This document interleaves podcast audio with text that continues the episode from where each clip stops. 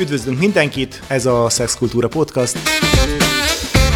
És a stúdióban hárman vagyunk. Vendégünk dr. Hevesi Krisztina, szexuálpszichológus, az ELTE PPK oktatója. És akik kérdezzük, Szilágyi Szilárd és Lassányi Gábor. Köszönöm a meghívást, és szeretettel köszöntöm a hallgatókat. Mikor van szükség szexuálpszichológusra? Ez egyik könyvben olvastam, ami elsőre engem is meglepett, hogy valójában az egész életünket végig kísérik a szexualitással kapcsolatos kérdések, már szinte születésünktől kezdve. Már onnan, hogy vedd el onnan a kezed, mit csinálsz. Tehát, mert természetes, hogy minden egészséges gyerek felfedezi testének azt az érzékeny pontját, ami valami különleges csiklandozás, különleges bizsergést okoz. Utána ugye az oviban rögtön ott van a nagy kérdés, és hadd tegyem hozzá, hozzá, hogy minden egészséges gyerekben felmerül, hogy mi az a nagy különbség ott a bugyingban, amiért a fiúknak és a kislányoknak teljesen más megengedett. Na most itt van ugyanakkor az első ilyen értelembe vett banánhéj is, tehát itt nagyon el lehet csúszni, az, hogy hogyan reagál erre a környezet. Tehát tipikusan például, ugye még a kisfiúkra sokszor a, a pláne az édesapa büszke, hogy én fiam, már érdeklődik ugye a, a dolgok, dolgok iránt, addig a kislányokat sokkal jobban féltik, és sokszor nagyon megszégyenítik. Tehát megvan az a, az a hagyomány, ez a fújgusztustalan, mit csinálsz, viszed onnan a kezed, nem szégyelled magad. Egy jó kislány ilyet nem csinál. Azt csendesen hadd tegyem hozzá, hogy, hogy igen, nálam általában a rendelőben a jó kislányok és a jó kisfiúk vannak. A rossz kisfiúk és a rossz kislányok máshol ücsörögnek, ugye ilyen értelemben, mert hogy annyira erős tud lenni ez a tiltás. És ha már itt az óvodát említettem, tehát, hogy hadd, hadd mondjak egy elrettentő példát. Az egyik kliensem esetében egy férfi gyerekkorában, ahogy ugyanúgy ez a természetes érdeklődés a bokorba vitte a fiatalságot, és erre őket kipécézte a legjobb barátjával az óvónő, felállította őket az asztalra, letolt nadrággal, és azt mondta, hogy ha ennyire mutogatni akartátok, akkor most mutogassátok. És egy óráig ott kellett megszégyenülve állniuk a gyerekcsoport előtt. Tehát természetes az érdeklődés, csak nem mindegy, hogy mennyire reagál a környezet drasztikusan, illetve megszégyenítően. És itt hadd tegyem hozzá, hogy amennyire mi általában a szexualitásra egészségesen úgy tekintünk, hogy mennyi, mennyi boldog pillanatot, örömforrást tud okozni, hogy az élet legszebb, legnagyobb pillanatai, a gyerekszületés, a szerelem hozzá kapcsolódnak, ugyanúgy másik oldalról a legnehezebb, legsúlyosabb érzelmek. A szégyen, a bűntudat, a szorongás, a félelem, az undor, tehát igazából ezek mind-mind hozzá kapcsolódnak, és szinte az nehéz, hogy egyáltalán fel tudunk-e nőni anélkül, hogy ezekből legalább valamennyit ne cipeljünk magunkkal. Tehát mondtam ugye, még mindig csak az óvodánál tartok, és utána jön az iskoláskor. Utána viszonylag van egy kicsit visszavettebb periódus, amikor elsősorban a teljesítmény, játékok az, ami érdekli a gyerekeket, de aztán itt van a legzajosabb időszak, ugye a serdülőkor, aminek a hormonális robbanása talaján úgy szoktuk mondani, hogy a libido a tárgyát keresi. Természetes, hogy ilyenkor a kortársak fele fordul az érdeklődés, és hogy azért egy mondatot itt a szülők számára is, hogy beszúrjak, hogy igazából azt szoktuk mondani, hogy a serdülőkorig a szülői a gyerek. Onnantól kezdve addig tudjuk neki azt tolmácsolni, azt eljutatni, hogy hibázni ér, bármikor fordulhatsz hozzám, mert onnantól viszont már a referencia csoport az már a másik serdülő lesz. Úgyhogy ebben az időszakban egyébként azt hadd tegyem hozzá, hogy fontos az első szerelmeknek a megtalálása, és ahogy a túl korai, ugyanúgy a túl késői kapcsolat is problémát okozhat. Ez nagyon bele tud égni az embernek az önbecsülésébe, hogy ezek az első párkapcsolati szánypróbálgatások, hogy mennyire voltak sikeresek vagy eredményesek. Nehéz erre matekozni, hogy pontosan mi, de azt szoktam mondani, hogy olyan 15 és 18 éves kor között, itt az első élmények, általában, tehát akkor, akkor azért optimális, ha megtörténnek, mert hogy itt a, a gondolom a korait azt nem kell annyira magyarázni, az elsősorban a lányoknál szokott problémát okozni, hogyha érzelmileg még nem érett rá. még nem vágyja, még nincs felkészülve, nem tudja elképzelni, nem tud izgalomba jönni, nem egy szerelem talaján következik be, hanem például a kortársaknak való megfelelés miatt, akkor bizony tartós ö, szexuális problémák tudnak jelentkezni. Tehát itt lehet akár a viszonylag a, a legkisebb az, hogy egyáltalán az orgazmuskészség kialakul-e, de akár fájdalomzavarok, a nedvesedés elmaradása, illetve még súlyosabb esetben vaginizmus. Magyarán az, amikor egyáltalán, tehát nem is, nem is tud összejönni az együttlét, mert a hüvely körüli izmok annyira zárnak, és ennek a feszegetése és próbálkozás, próbálgatása pedig még súlyosabb problémákat okoz. Tehát valójában a, elsősorban ez, de fiúknál ugyanúgy ki tud alakulni az undor, például, vagy, egy, vagy akár a szégyen, a megszégyenülés egy rosszul sikerült első alkalommal, évekig meg tudja határozni, és egyébként a zárójelbe hadd tegyem hozzá azt a gyakran megkapott kérdést, hogy egy fiút meg lehet erőszakolni, most úgy mondom, hogy egy nőnek, egy idősebb nőnek, igen. Mert hogy ugye a szexualitás legátlása is egy tanult képesség, hogy a hirtelen jelenlévő ingerekre még nem tanulta meg azt, hogy hogyan lehet nem reagálni. Tehát igazából a serdülőkornál itt azt hadd tegyem hozzá, hogy a túlkésői pedig az a baj, hogy már annyira egy távoli, vágyott dologgá válik, annyi szorongás rakódik rá, hogy, hogy így már egyre inkább, és amikor már eljut a fiatal egy olyan állapotba, hogy ez a mindegy csak esek túl rajta, tehát az se szokott jót jelenteni. Uh-huh. Tehát, hogyha ezek a tényezők, mondjuk ezekből valamelyik játszik, akár kisgyerekkori megszégyenítés, egyéb hatások, akár ezek a problémás első kapcsolatok, ezekből szoktak kialakulni tipikusan azok a problémák, amivel mondjuk szexuálpszichológushoz fordulnak az, az emberek, vagy, vagy legalábbis, hogy kellene, hogy forduljanak? Igen, és hát persze még folytathatom tovább az hmm. ember életnek az évét. Azt hadd tegyem hozzá, hogy hogy van egy olyan kifejezés, ami, ami, amit engem, tehát egy nagyon megfoghatatlan fogalom, ugye ez a kémia, van egy kémia köztünk, és sajnos már annyi mindenre rá tudjuk sütni, tehát hogyha most itt csak a szerel, szexualitás birodalmába bolyongunk, akkor azt, hogy mennyire katartikus az első együttlét. Uh-huh. Tehát itt igazából azért két dolgot hozzá kell tenni. Mindig elszomorodok, amikor elsősorban a fiúk mondják azt, hogy jaj, hát az a lány olyan rossz az ágyban, hogy fekszik, mint mint a tengeri csillag, szép-szép, de nem mozog, vagy, vagy egyáltalán, hogy nem reagál a teste, és én azért szomorodok ettől el, mert hogy ez, ez nem azt jelenti, hogy neki valami hátránya van, hogy ő neki valami képessége hiányzik, hanem leggyakrabban trauma. Most a mhm. trauma alatt nem csak az abúzust értem, hanem valami olyan szégyen, valami olyan gátoltság, tehát ilyenkor nem az a megoldás, hogy azt mondjuk, hogy kérem a következőt, ja, hát ő nem működik, már elnézést mm. a kifejezésért, hanem az, hogy tudjunk foglalkozni szeretettel, illetve szakemberrel utána nézve a dolgoknak, hogy ő miért nem tudja elengedni magát, miért nem érzi magát biztonságban egy ilyen helyzetben, ahelyett, hogy továbbállnánk és kilépnénk. Világos, ez, ez teljesen érthető, amit mond. Itt azért fölmerül az a kérdés, hogy mi az a pont, amíg mondjuk egy olyan kapcsolatban, ahol az egyik fél úgy érzi, hogy a másik leblokkol, számára, nem, számára sem örömteli igazából az az együttlét, addig érdemes várni, hogy hát majd a másik lépjen, forduljon szakemberhez, fejlődjön. Hogy hol, le, hol, hol van itt az egyensúly? Igen, ez ugye vannak helyek, ahol nem szeretünk menni. Tehát általában orvoshoz sem, uh-huh. mert aki keres, azt talál, mindig valami, valami azért előkerül.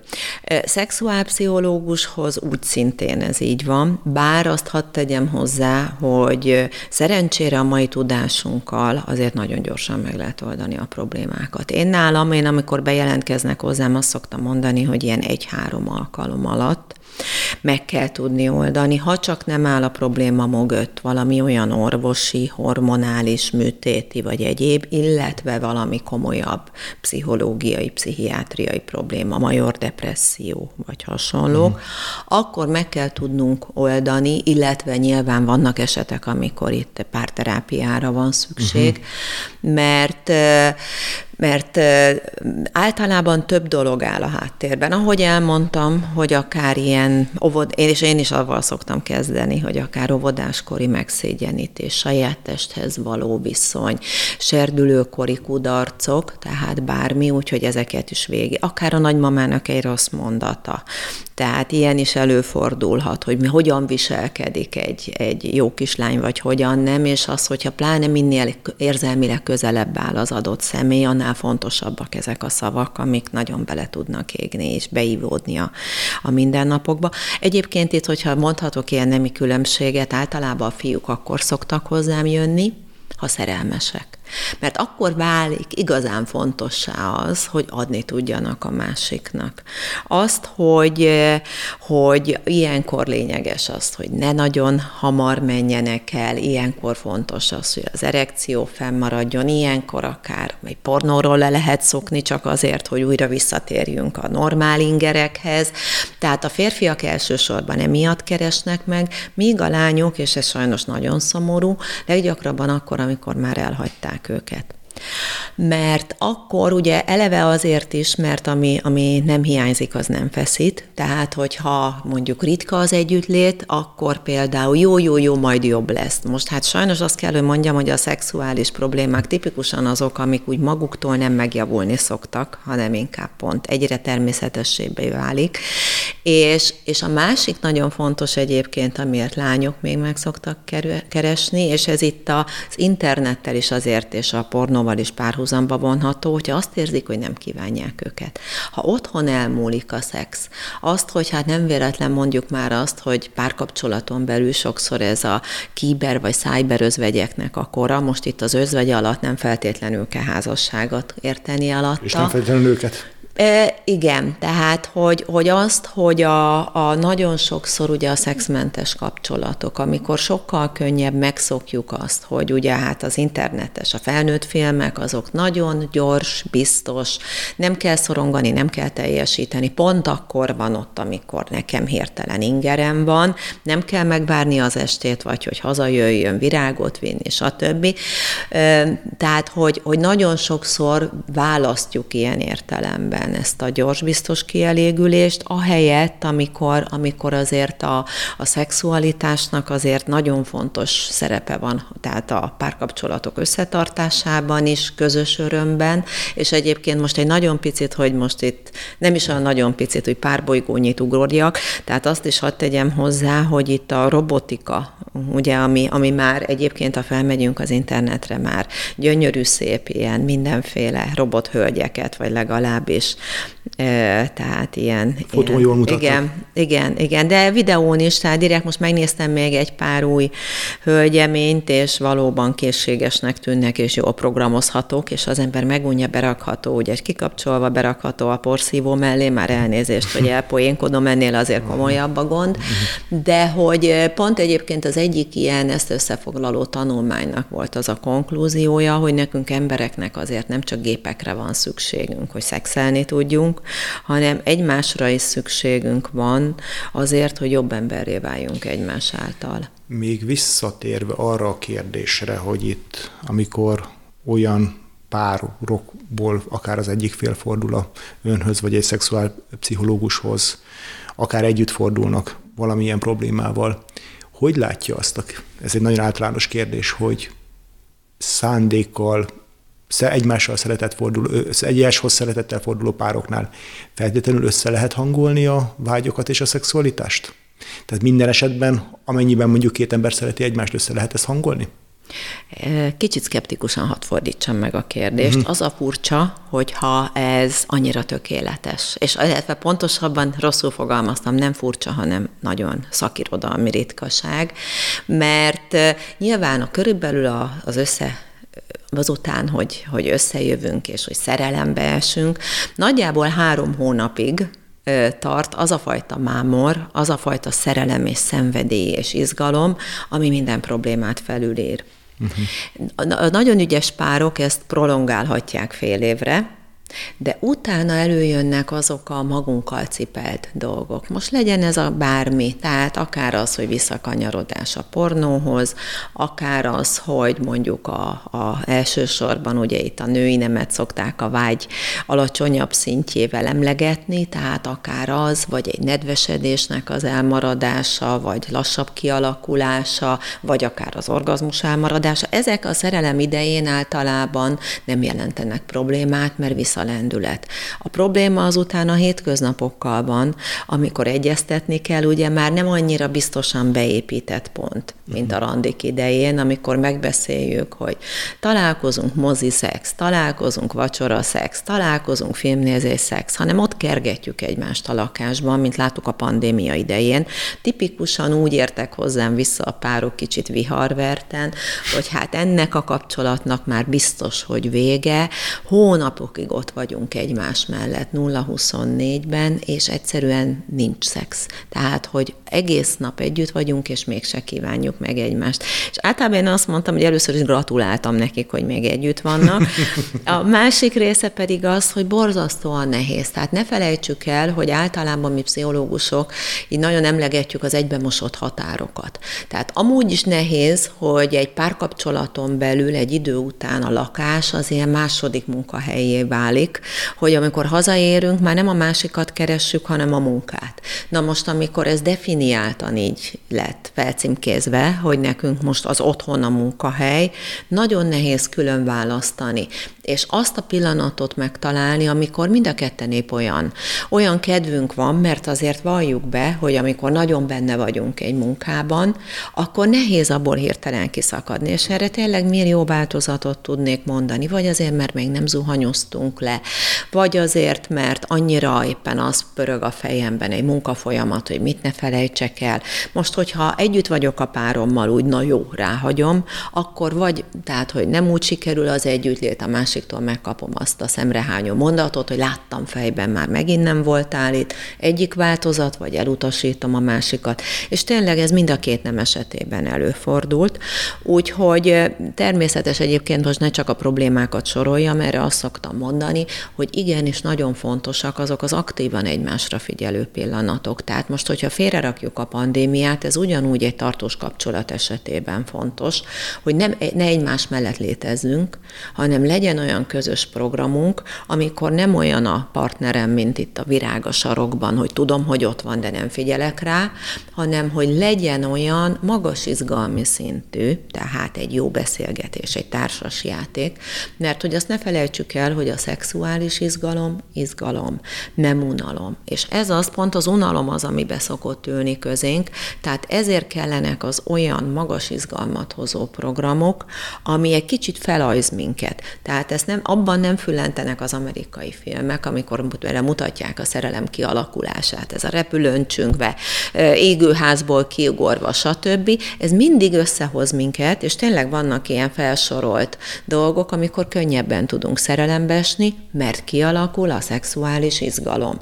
És ugyanez igaz a hétköznapokban is. Jobban izgat a párom, hogyha nem bepunnyadunk, és helyenként már a fiatalok is ezt csinálják, nem győzöm őket szapul megfordulni ilyen értelemben, most persze ezt viccesen mondom, hogy hogyha van egy hétvégéjük, akkor ne bent üljenek a lakásba, és, és a laptopjaikat böngészék, hanem valami olyan programot, amiben mind a ketten érzik azt, hogy valami kis izgalmi szintet, örömet, egy kis adrenalint ad, és itt most nem feltétlen az ejtőernyőzést értem alatta.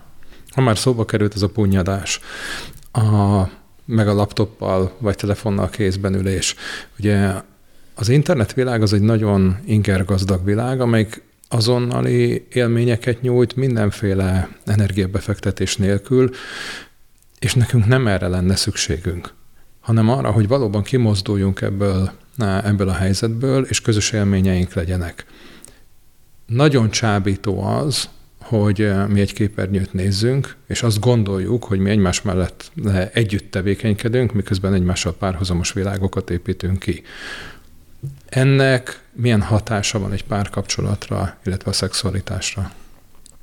Iszonyú erős konkurencia az internet, tehát eleve az érzékszerveinket annyira túlingerli, hogy mi emberek nem tudjuk már megugrani. És erre most hadd hozzak, itt kimondottam megint a fiatalabb korosztályból két példát, amikor egy kedves ismerősnél voltunk fent, tehát többen felnőttek, és egy gyönyörű, szép ilyen kis két-három éves kisfiú volt, és hát én rögtön elkezdtem vele kokettálni, de nem tudtam belépni a világába, mert ő csak a telefonját nyomkodta. És ezt egyébként felszoktam tenni így pszichológusoknak a kérdést, hallgatóimnak, hogy hogyan reagál egy két-három év körüli gyerek, hogyha felnőttek jönnek hozzá. És hát persze millió ötlet van, hogy fél, elbújik, játszani hív, köszön, szemérmes vagy produkálja magát, és mindegyik válasz jó, tehát valahogy reagál a másik emberre, de ő meg egyáltalán nem. Tehát egyszer jött oda, hogy segítsek, mert valamit elnyomott rajta, akkor így oda nyomta felém, de hogy ez a baj, hogy valójában színesebbek, érdekesebbek, nagyobb hangot adnak, több szint adnak, mint az ember, és ugyanerre egy másik példát, egyik barátnőm történetét, hogy Velencébe vitte a két ilyen kiskamasz fiát, és, és hát borzasztóan boldog volt, hogy egyedül gyermekeit egyedül nevelő anyaként ezt anyagilag meg tudta tenni, és még egy gondolát is sikerült valahogy szerezni, és ameddig ő ott elolvadt Velence látnivalói és a gondolázás közben, akkor vette észre, hogy a két gyerek pedig csak a telefonját nyomkodta, és amikor rájuk szólt, de ne hülyeskedjetek, egész évben ezt csináljátok, hát most élvezétek a látványt, erre a szülő vagy a gyerekek válasza az az volt, hogy de anya, mi már megnéztük egész Velencét, már egész Olaszországot, sőt, már Brazíliában is jártunk. Tehát ez a baj, hogy a való világ válik unalmassá, és ez egyik oldalról, amit az internet ad. A másik oldal szerintem magunkon is megfigyelhetjük, amikor, hogyha most felteszik nekünk a kérdést, hogy bemenjünk dolgozni, vagy otthon, egy kis home office, egyik oldalról, hogy kijelentjük, hogy mennyivel jobb bemenni dolgozni, mennyire hatékonyabbak vagyunk, de valahol lustaságból mégis a home office-t választjuk gyakran. Most nem azt mondom, hogy mindenki, de bizony azért néha a lustaság az azért nagy csábítás. Tehát otthon maradni és ezt nyomkodni, és megnyugszunk, hogyha a másik is erre bólint rá, és azért ne felejtsük el, tehát ott azért pláne egy, egy kapcsolatban azért nagy kísértés az, és néha tényleg ezek az úgymond ilyen véletlenszerű afférok, hogy ha valaki nem is tervez mondjuk egy új kapcsolatot, és nagyon sok ilyen eset van, le akár olvasni lehet, akár pedig hát néha a rendelőmben is megfordul, hogy csak egy unalmasabb nap volt valamelyik ismerőse hozzászólt egy képhez, feldobta, nem nagyon szokott ő ilyeneket lájkolgatni, valamiért már nem, be, belájkolta, már nem is emlékezett rá. Aztán elkezdtek egymásnak így képeket először csak lájkolgatni, aztán sztorikat, híreket küldözgetni, és egyre egyszerre azt vette észre, dacába annak, hogy nem volt semmi affinitás a külső kapcsolatra, hogy egyre jobban várta ezeket, egyre jobban izgatta, szívesebben ment be a munkahelyére. Már otthon a feleségével is inkább ezekre a, a csetelésekre gondolt, hát a vége az az, hogy elváltak, és, és kialakult egy új kapcsolat. Amire akkor a happy endet egyébként nem tudok aktuálisan mondani, tehát valójában egy olyan kísértést jelent, és nem véletlen, hogy ma már ugye egyrészt ugye mit ad, tehát például a Tinder randiknál is, azért is kell azért nagyon vigyázni, most azon kívül, hogy, hogy nyilván, hogy milyen valójában a másik, hogy ne álmodjunk bele többet, illetve, hogy, hogy azt se érezzük, hogy kiégünk ebbe a mindennap új randi ilyen gyors keresésbe, de ezen kívül tehát az is ilyen értelemben probléma, hogy olyan dolgokat, olyan igényeket is kielégít, például mondjuk az önbizalom növelés.